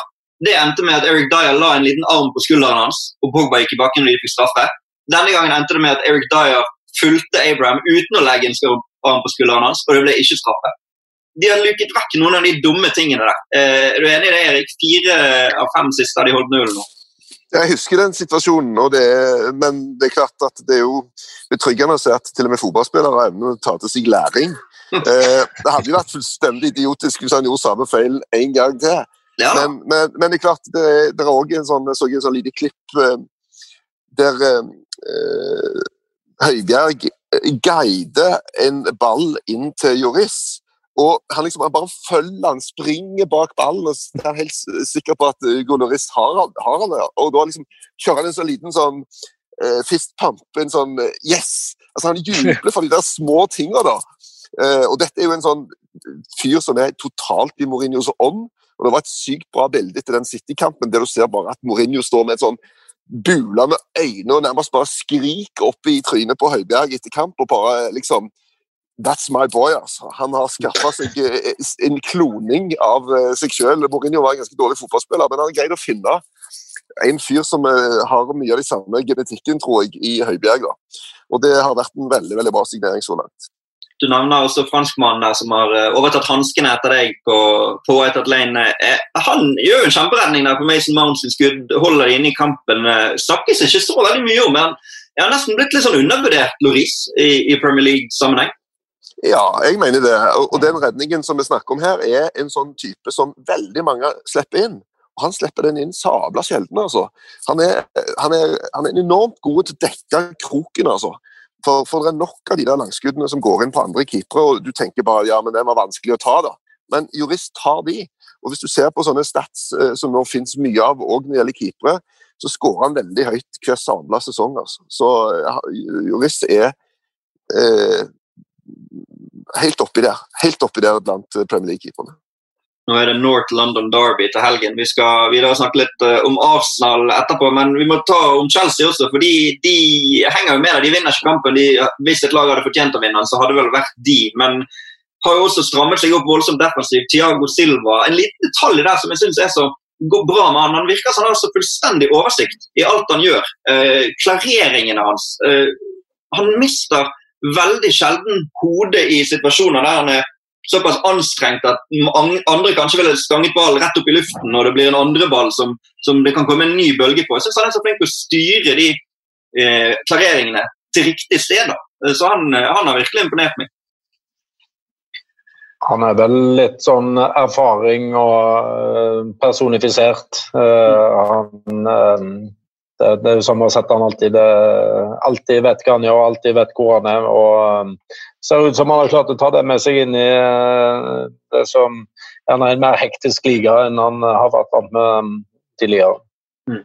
Chelsea kan uh, klatre til topps i Premier League i helgen. Møter som nevnt Leeds hjemme. og uh, de skapte jo ikke sånn, de skapte ikke de aller største sjanser, men jeg følte liksom at det var sånn nesten Hvis de hadde hatt Giroud litt før, kanskje kunne de fått til det. Det har jeg tenkt på ofte med Chelsea. at Når de kommer til mye innlegg, hvorfor er ikke Giroud der? Eh, Espen, du har kommentert jo litt Europaliga. Giroud var stor der på Chelsea, og du har kommentert han mye. Jeg er jo litt enig med at Du savner på en måte Giroud i en del kamper der Chelsea sitt spill tilsier at han burde vært der. Jeg syns Giroud er sånn spiller som du, eh, du savner egentlig uh, uansett. Ja. Virker som en, eh, en, sånn perfekt gentleman som, som, alltid gjør jobben. og Jeg kommenterte han senest for Frankrike mot, mot, Sverige, hvor han uh, skåra to mål. og det tror jeg er en av de tingene som, som kanskje kan bekymre Lampard litt. At når vi kommer til januar, så kan Giroud forsvinne. For han skal spille EM. Hvis det blir EM, det håper vi jo. Uh, og da er han i samme situasjon som han var da han kom til Chelsea, at han må, han må få spilletid. Uh, og så, så, tror jeg vel han kommer til å få mer spilletid framover. Også. Nå så jo produsentene i den kampen. Det var, he, altså, det var jo Giroud-show der, uh, etter at Abraham hadde bomma på et par, par innlegg. Så, men samtidig så, så, fungerer jo angrepsspillet til Chelsea så godt da, med Abraham. Werner og en av disse uh, Siers eller Pulisic eller hvem, hvem man uh, velger. Så jeg tror det sitter langt inne for Lampard å starte uh, Giroud, men, men uh, jeg hadde håpa å se han litt tidligere. og jeg håper å se mer av han um, utover. altså Apropos sånn piktoreske angripere. da, det, det, er aldri feil sånn estetisk med Giroud på banen. Det, han må egentlig bare spille han. ja, han må det. uh, vi går videre til Arsenal Wolverhampton. og den store situasjonen der som selvfølgelig overskygger alt annet som er eh, veldig ekkelt og sånne ting skjer. Raúl Jiminez der. Eh, kan begynne for så vidt med deg, da, Espen, som kommenterte kampen. Hvordan, mm. hvordan, er det å kommentere eh, en kamp når det skjer sånne ting?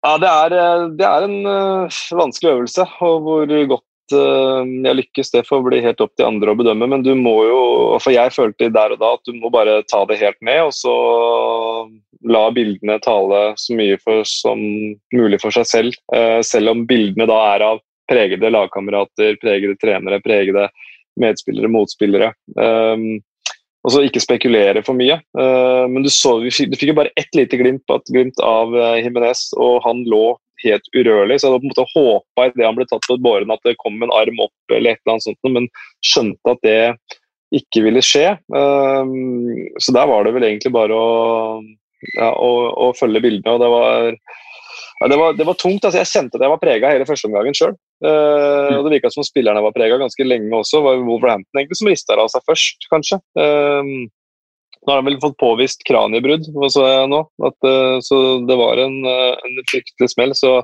nå hørte jo spillerne og trenerne til begge lag etter kamp også at uh, de, de hadde, hadde, sin med- og motspiller i, i tankene hele tida. Så det prega, prega kampen veldig, syns jeg. Har dere som spillere sjøl opplevd situasjoner der For det blir jo veldig uvisshet. sant? Altså, Du vet jo ingenting. Hvordan er det å spille videre i en sånn kamp? Er det noe dere har, vært med på sjøl, Erik eller Egil? Nei, ikke så alvorlig som den, men uh, det har jo vært stygge skader. Men uh, jeg syns jo mange måter det er verre når du ser det på TV enn uh, gjerne når du er utpå der. For uh, du, du, du, får gjerne tross alt med deg mer uh, hva som skjer når, når du er utpå der. og Jeg syns det er forferdelig når du sitter og ser kamper og du får de her skadene. og får liksom alltid sånn flashback til det tragiske som skjedde i, i vår egen liga i Kristiansand stadion med, med Enerly den gangen. Sant? Så det, jeg syns det, det, er fryktelig vondt å, å, se på de situasjonene der. Mm ser det, det, er jo noen som jobber med den slags i England. Eh, og uh, Spesialister de hisser seg opp over at David Louis fikk lov til å spille videre. Uh, for at de mener at du ser det igjen og igjen. Ja, det er en protokoll du skal følge.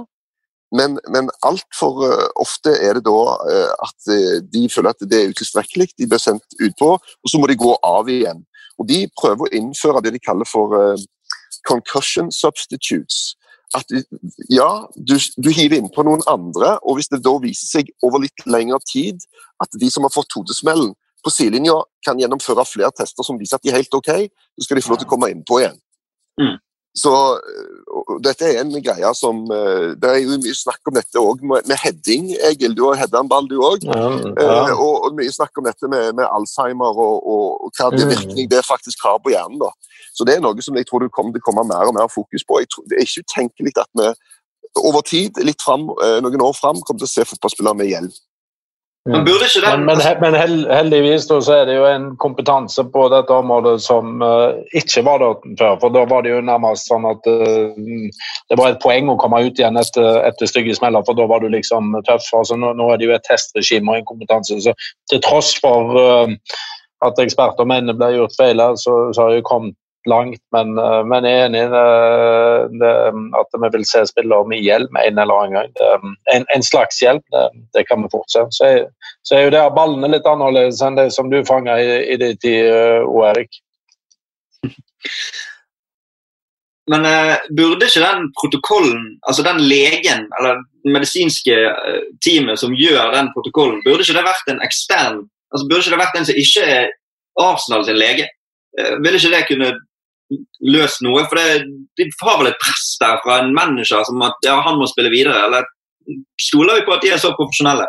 Men jeg trodde det var sånn. Jeg, jeg trodde det, det var sånn? Eksten. Eh, skal ikke si det for sikkert, men jeg trodde jeg at det var. Altså. Okay. At det er ja, okay. en, en, lege som skal være til stede på stadion, som skal være med og ta den avgjørelsen.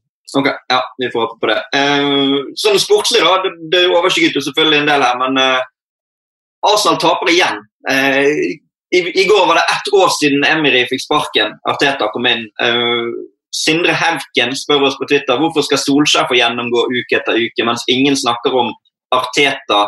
Uh, nå begynner kanskje noen å snakke litt om Arteta etter de siste kampene de har hatt, uh, Erik. Ja, definitivt. Eh, han, eh, får jo, han, han har jo den der greia at han har vunnet FA-cupen. Og som en som har spilt på et lag som ikke har funnet, vunnet med pokal siden ja, du vet vel du Helge, når de vant en pokal siden sist? Sist Tottenham. Altså, han har han umiddelbart greid å ta en FA-cup, da. Og det gir deg jo litt eh, eh sympatipoeng. Men det begynner å, å tære på det, altså. Og, og særlig dette at det er så uarsenalsk. Det at de sliter med å skape sjanser, sliter med å skåre mål. Det er liksom Vi er vant med at Arsenal har et dårlig forsvar, fair enough, de slipper inn en del. Men framover så pleier de jo å skape masse greier. Så Det, det er liksom veldig annerledes for fansen å sitte og se på den gjengen her nå. Og, og kanskje personifisert med Aubameyang, da, som virker helt ute av det. Altså, han har jo ikke verdens kanskje mest sprudlende kroppsspråk til vanlig, men nå ser det ut som han, han eh, ikke har lyst nesten til å, å spille fotball.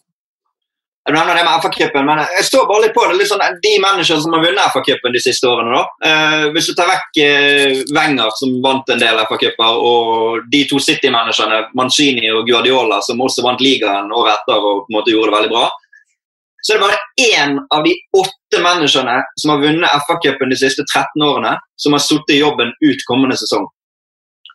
Eh, så en FA-cuppokal gir deg selvfølgelig noe goodwill, men det er ikke nødvendigvis sånn at uh, du får sitte likevel. Conte fikk sparken, van Gahl fikk sparken, Di Matteo fikk sparken. Den ene det var Carlo Ancelotti, og han fikk sparken uh, en uke etter det hadde gått et år. Så um, FA-cup, vel og bra, men Arteta lever ikke evig på, på den FA-cupen. Jeg, jeg, sier ikke at du mente det, Erik, men uh, Arteta og så er det En som heter Vebjørn Fredheim som spør oss på Twitter uh, om Arteta har vraket 4-3-3. Ser vi en manager som famler i blinde og fraviker systemet han tror på. Hva tror du det om, om det, Espen? Det var jo mye optimisme før sesongen for at nå hadde Arteta funnet ut av hvordan dette skulle være, og så uh, går det litt i nedtur nå.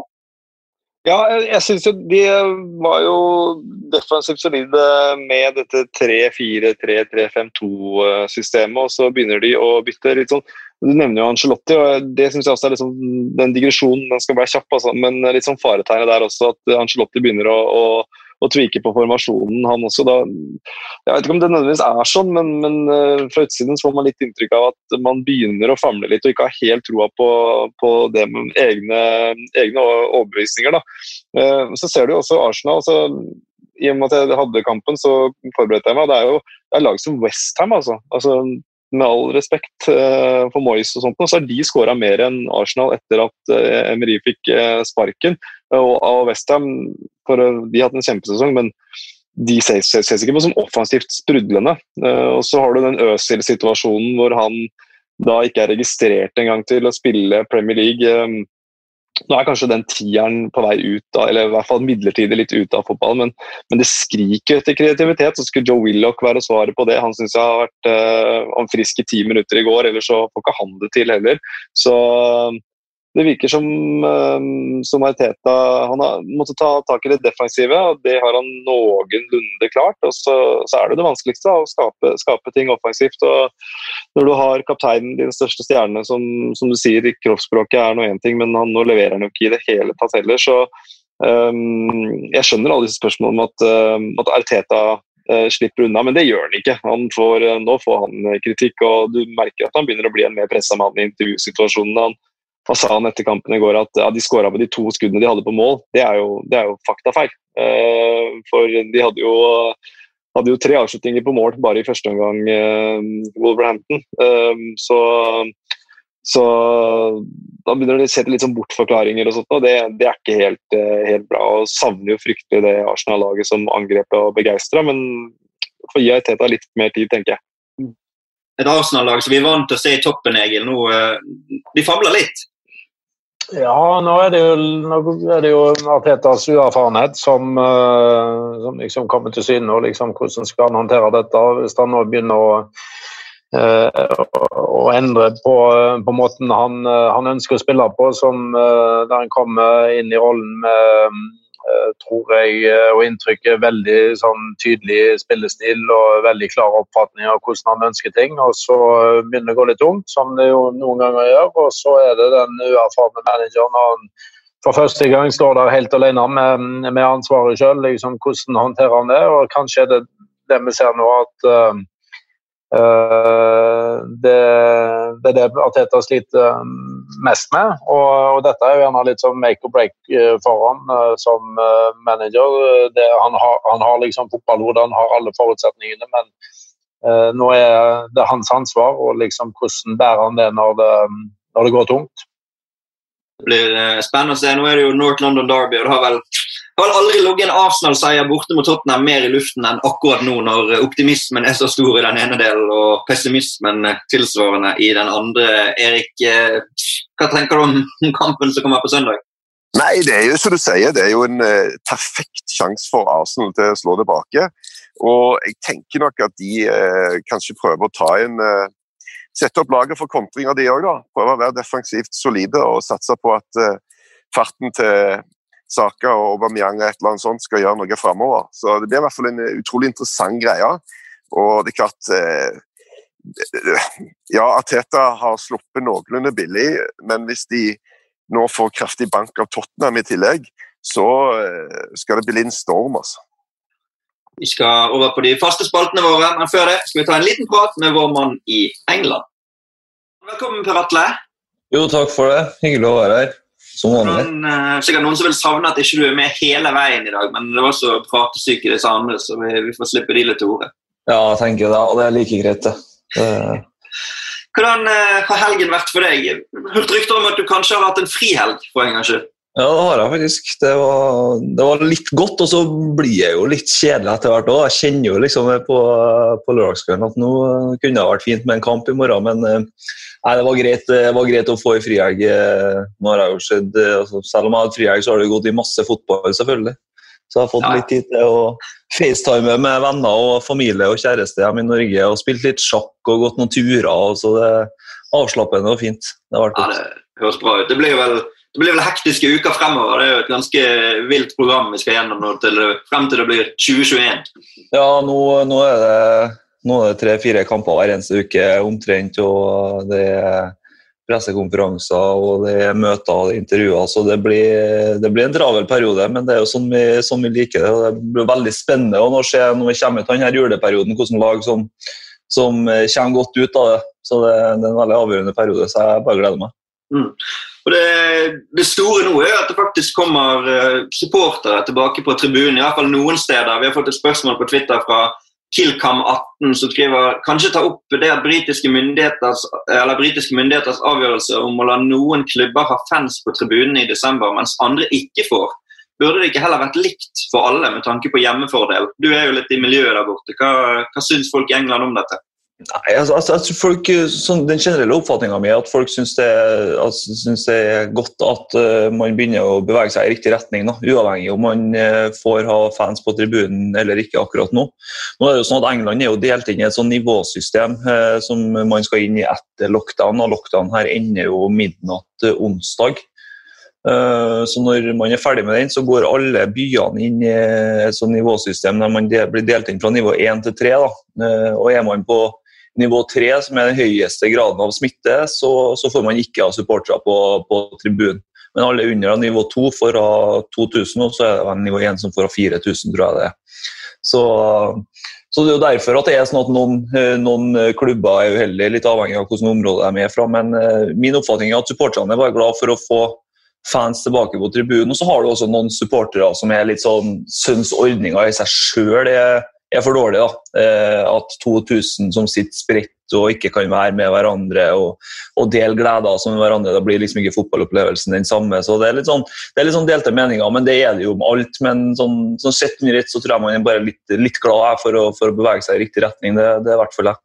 Mm, det er jo en veldig spesiell situasjon, når det handler om å gjøre det beste mulige. Men uh, det er jo ikke sånn at uh, Klubbene kommer ikke til å tjene noe særlig penger på dette. gjør De det? De kommer kanskje til og med til å tape. Det er heller motsatt, at de, at de kommer til å tape. det. Så man, man, håper jo at det her er en, en, en, prosess som kan gå fort. Da. Eh, at man kan gå fort fra, fra 2000 til 4000 til osv. osv. Eh, man har jo, det, det, jobbes jo med store løsninger nå for å få inn enda flere folk. og Det er jo et av de prosjektene jeg blant annet skal jobbe litt med denne uka. her. Da.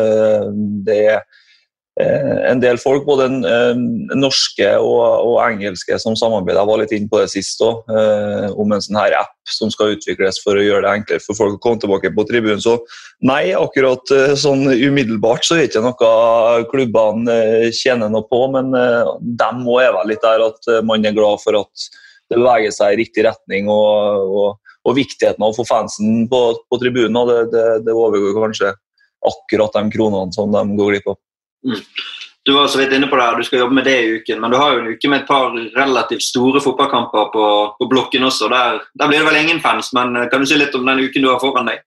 Ja, det jo, går inn i en spennende uke. Eh, avansement i, Champions League blant annet, kan jo avgjøres for veldig mange. Jeg skal jo på Liverpool-Ajax eh, i morgen, eh, der Liverpool kan sikre avansement. Og så skal vi på United PSG på onsdag. Eh, så det blir jo to, to kule kamper i, Champions League. Og så, jo, så åpnes det jo til helga allerede for fans. da.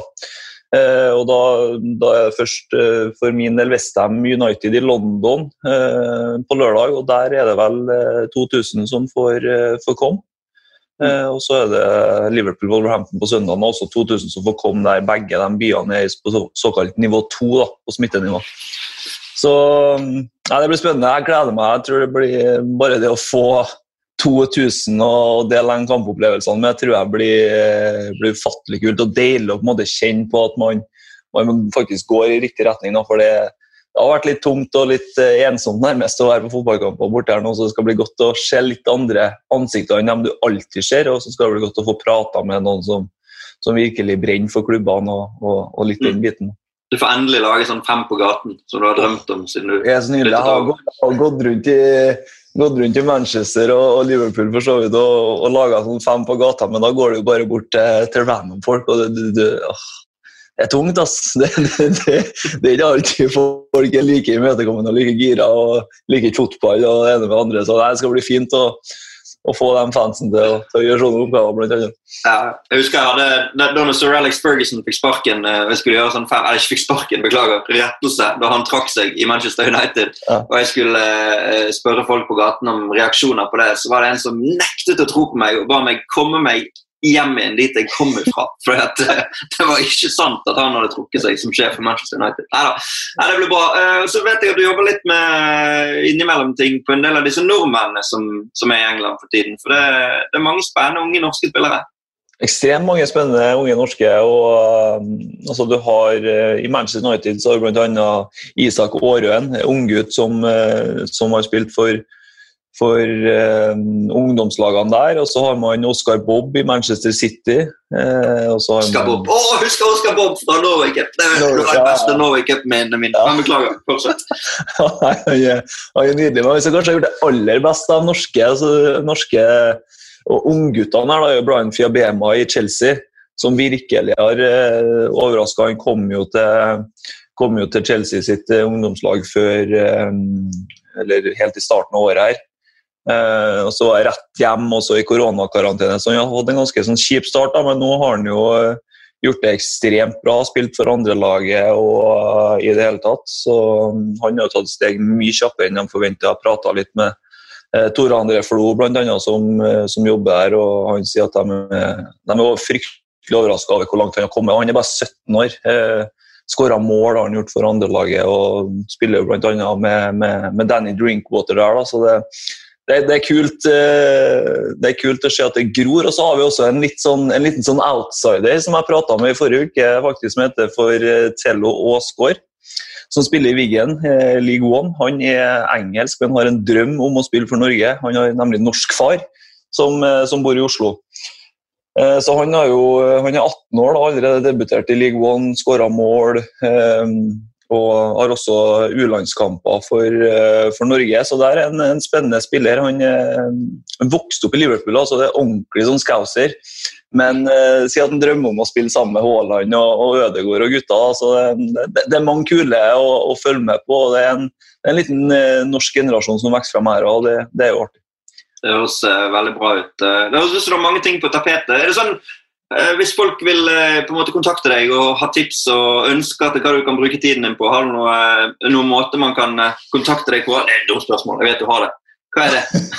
det, det, finnes en måte jeg gjøre det. Nei, de, Twitter er jo alltid, alltid, en grei plass å starte. Der er det egentlig bare at Per Atle Karlsen i, i ett ord. Og så er det bare å sende meg enten en melding eller skrive til meg på Twitter, og så, så svarer jeg. Skal i hvert fall vite at jeg noterer meg alle tipsene jeg, jeg får. og, og skriver det ned, uansett om jeg har tid til å gjøre det der og da eller ikke. så det, Alt tas imot med takk, og ingenting er, er, for lite eller for stort. Så det er bare å komme med tips. på et Per Atle Karlsen. Det er veldig bra. Da eh, ønsker jeg deg en fin uke, Per Atle. Lykke til i England. Takk for det, så får dere eh, kose dere videre, så snakkes vi plutselig.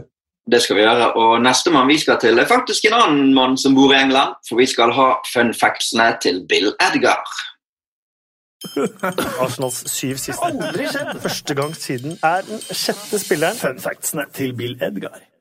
Fun factene fra Bill Edgar er tilbake. Espen, Vi har jo ledet denne podkasten i Kasper Wikestads fravær nå en liten stund, og han er så om, omsorgsfull at han sender oss de på mail, for han eh, abonnerer på The Times. og uh, Dette er jo høy nerdefaktor, men vi får se hvordan expected wow er. så får dere vurdere selv underveis. Vi, uh, vi nevnte at denne Manchester City mot Burnley var historisk. og Manchester Citys fire seire med fem mål mot Burnley i løpet av to år og to måneder er det raskeste noe lag i den engelske ligaen har slått et annet med så store siffer fire ganger.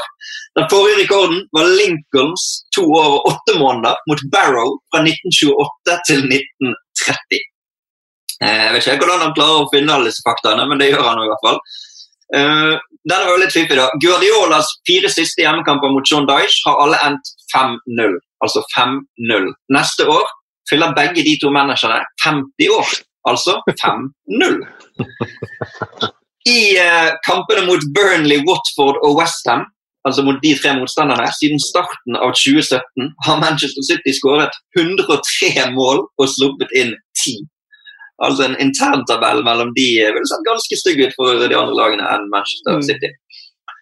Burnley-keeper Bailey Peacock Farrell er den første keeperen i den engelske toppdivisjonen med etternavn med bindestrek siden Wiggins Ali Al-Habsi i 2013. Og han er den første med såkalt English style etternavn, altså et engelsk etternavn med bindestrek, siden Robert Mills Roberts på Preston North End i 1889. Tipper Bill Edgar sitter og graver i historiebøkene gjennom hele livet sitt for å finne disse faktaene. Manchester United har skåret på overtid i fem bortekamper i Premier League på rad. Ingen i Premier League-æren har noen gang skåret i mer enn tre på rad. Og så kan man en keeperstat, den setter sikkert Erik pris på. I løpet av Chelseas 13 siste kamper har alle deres tre keepere sluppet inn tre mål hver. Kepa spilte én kamp, Caballero spilte én kamp, og Mendy har sluppet inn tre mål på elleve kamper. Den er fin!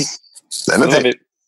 Uh, de siste seks engelske managerne som har tatt poeng fra Liverpool i Premier League, er alle fra Midlands. Graham Potter fra Solihull, Dean Smith fra West Bromwich, Sean Dyche fra Kettering, Nigel Pearson fra Nottingham, Darren Moore fra Birmingham og Sam Allardyce fra Dudley.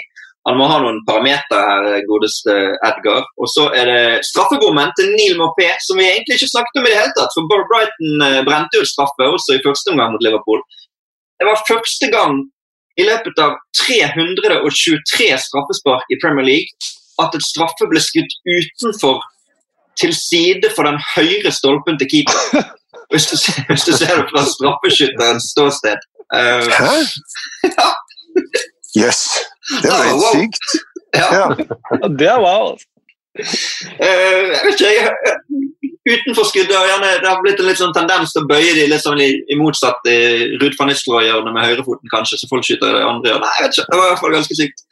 Uh, et par til. Liverpool og Manchester United spilte begge på sørkysten samme helg for første gang siden april 1982. Og så skal vi ha et par om eh, de lagene som spiller i kveld. Leicesters første lørdagskamp denne sesongen blir på Boxing Day. Det er klart nå etter at desemberprogrammet kom. Eh, og Høyrebackene i kveldens oppgjør mellom Westham og Aston Villa blir cash and a check. Villas Matty Cash og Westhams tsjekkiske spiller Vladimir Kofal. Det var moro å se på. Morata var kjempegod. Hva i all verden? Er. Han snakka ikke om seg sjæl, han snakka om dommeren. Vi skal dele ut eh, blomster og kaktuser og eh, kåre rundens øyeblikk. Og vi tar med litt innspill fra Twitter der for eh, blomst. Der skriver Alex Knutsen bare å sende en hel rosehage til Kavani. El Matador has arrived. Tinius Berntsen enig. Mange mente han eh, bare kom for å få sin siste pengesjekk, men han er hovedpersonen når Manchester United eh, har comeback mot Southampton nesten identisk som i 2013. Nye Robin van Persie, spør han. Eh, Kevin Madsen stemmer for Matheus Klitsch for en liten trøsteblomst. Forsøkte fire skudd mot Everton. Ingen traff mål. Mens Daniel Hylland skriver 'blomst til Jimenez', som vi får håpe ikke er noe alvorlig. Noen som har noen andre andre blomsterinnspill? Jimenez var vel et eh, bra forslag, ass.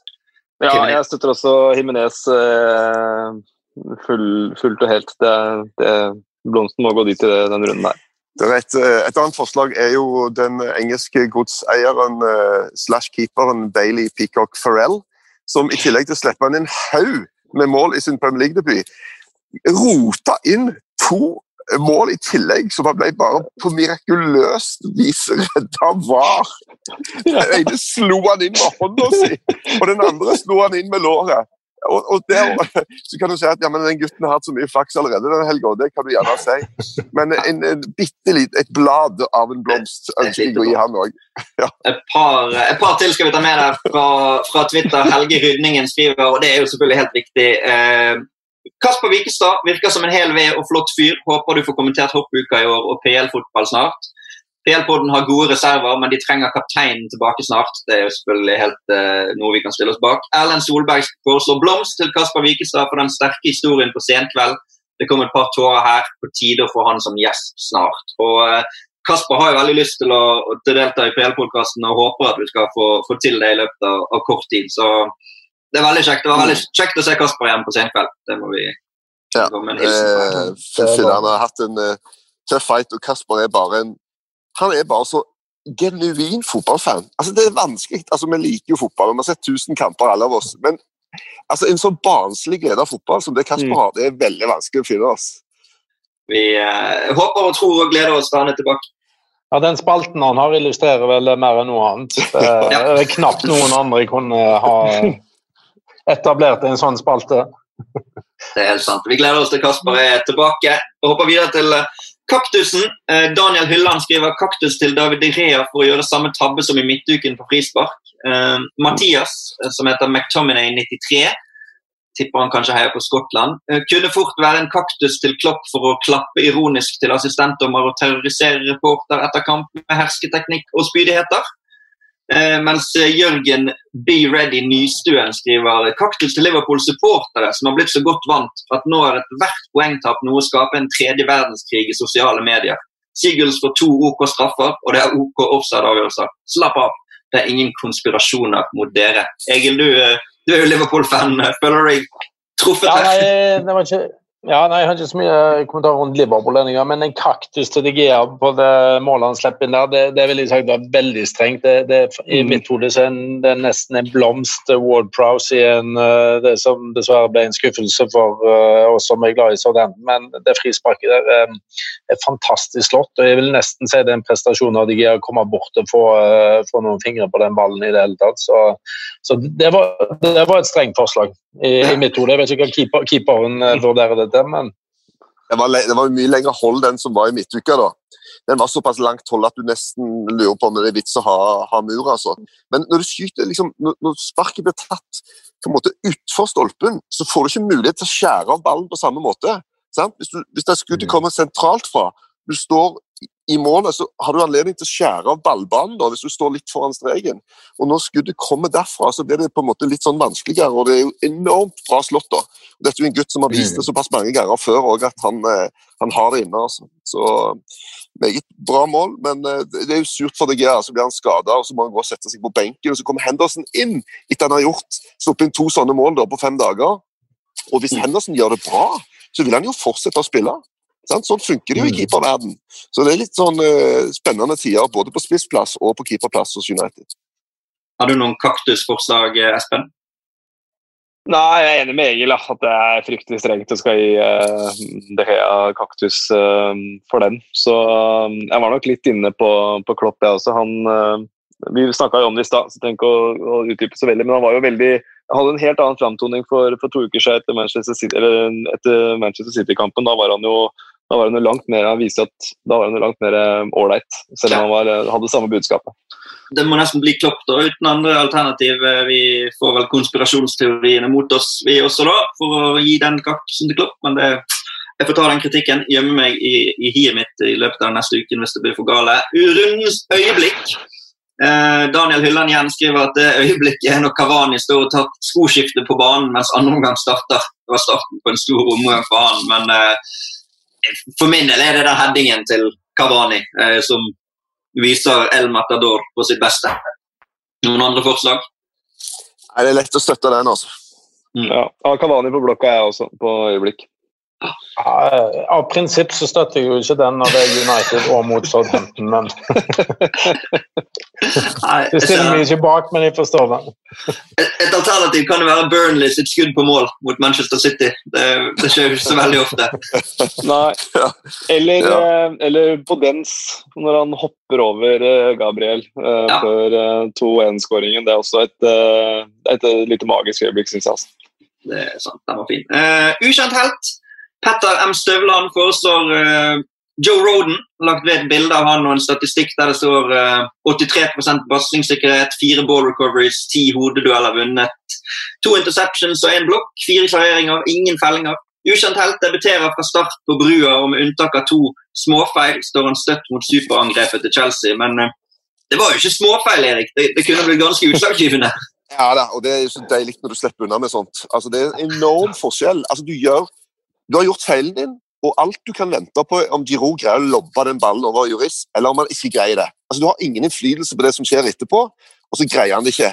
Og Da slipper du på mange måter unna med det. og det har jeg... eh, Jeg har vært i mange sånne situasjoner der du tenker at wow, dæven, altså, så bra at jeg eh, at, eh, at jeg ikke fikk den i trynet, og at vi tapte kampen på det. Så nei, han, han er jo en, en Ja, definitivt en kandidat.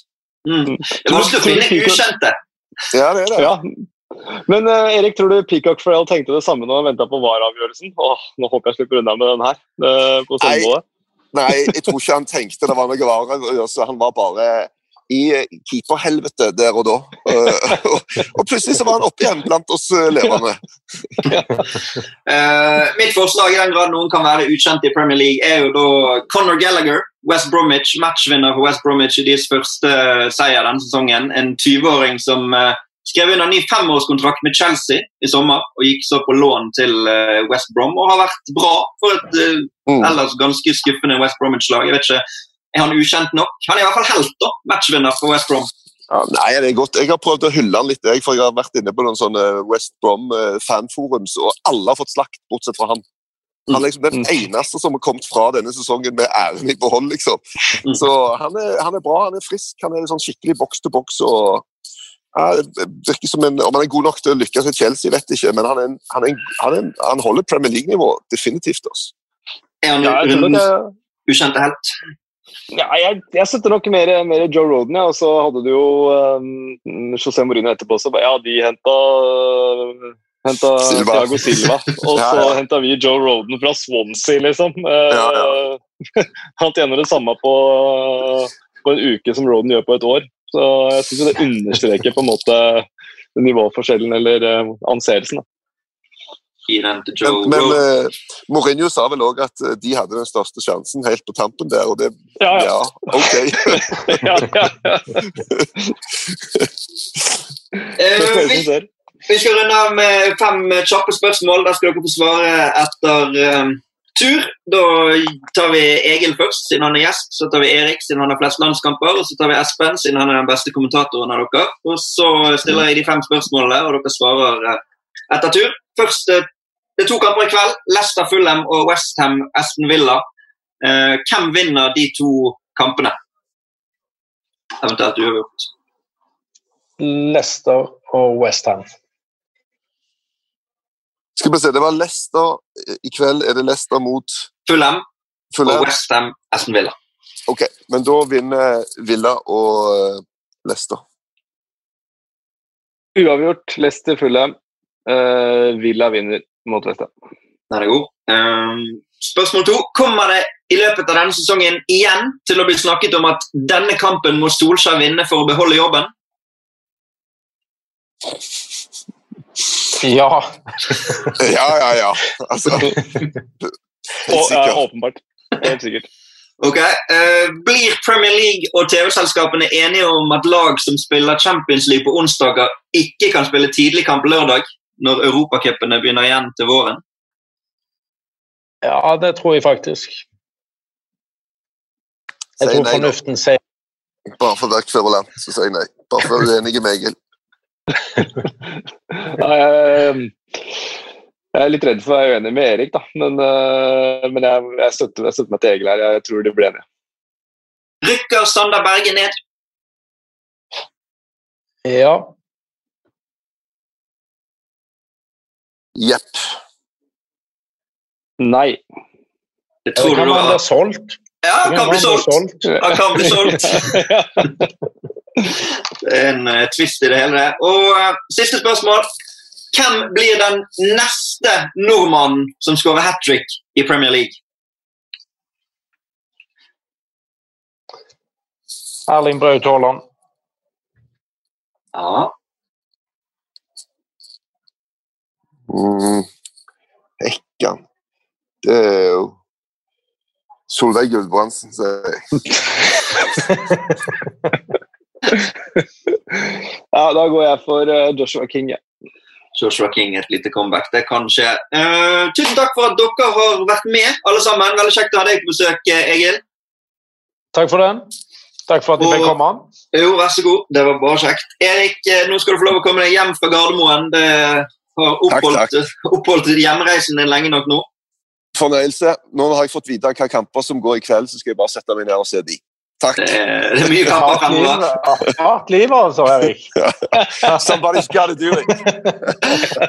Og eh, tusen takk til deg, Espen. Det er alltid kjekt å, å lage podkast med deg også. Tusen eh, takk det samme, Helge. Og så, så gleder vi oss til å få med oss Kasper etter hvert her òg.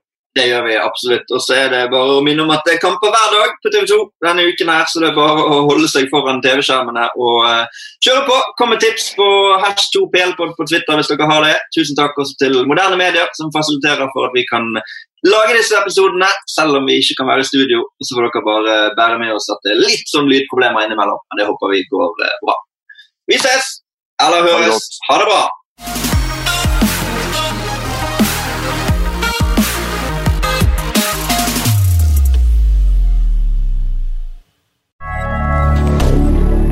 moderne media.